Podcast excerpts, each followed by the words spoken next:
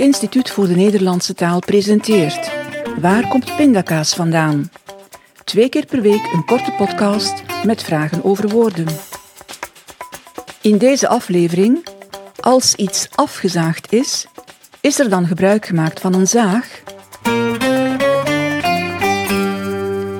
Iets wat al zo vaak gezongen, gespeeld, gezegd, gemaakt of nagemaakt is, tot vervelens toe, dat noemen we afgezaagd. Maar heeft dat ook iets met zagen te maken?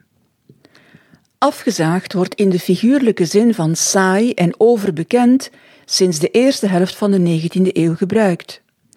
Er ligt een muzikale betekenis aan ten grondslag. Met afgezaagd werd toen het eentonig strijken of krassen op een viool bedoeld. Wat een krassende violist met zijn of haar strijkstok deed, werd dus vergeleken met de eentonige beweging die je maakt als je een plank hout aan het zagen bent. Hetzelfde verband tussen de beweging van een strijkstok en een zaag komt voor in een oude uitdrukking altijd op dezelfde snaar zagen. Het betekent altijd over hetzelfde onderwerp praten. Deze uitdrukking komt nu niet meer voor. In Vlaanderen is zagen, vervelend en eentonig over iets doorpraten, zeuren, vergelijkbaar met het algemeen Nederlands doorzagen over iets. Terug naar afgezaagd. Na verloop van tijd werd de betekenis van het woord uitgebreid.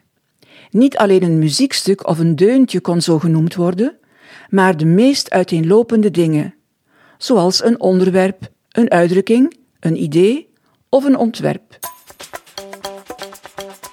En ja, afgezaagd heeft dus zeker te maken met een zaag en met een strijkstok. Bedankt voor het luisteren. Mijn naam is Frida Steurs.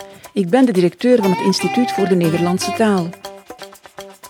Waar komt pindakaas vandaan is een podcast van het instituut, gemaakt door Laura van Eerten en Casper Stalenhoef. De muziek is van Michel van der Zande. Deze podcast is geïnspireerd op het gelijknamige boek, gemaakt in samenwerking met het genootschap Onze Taal.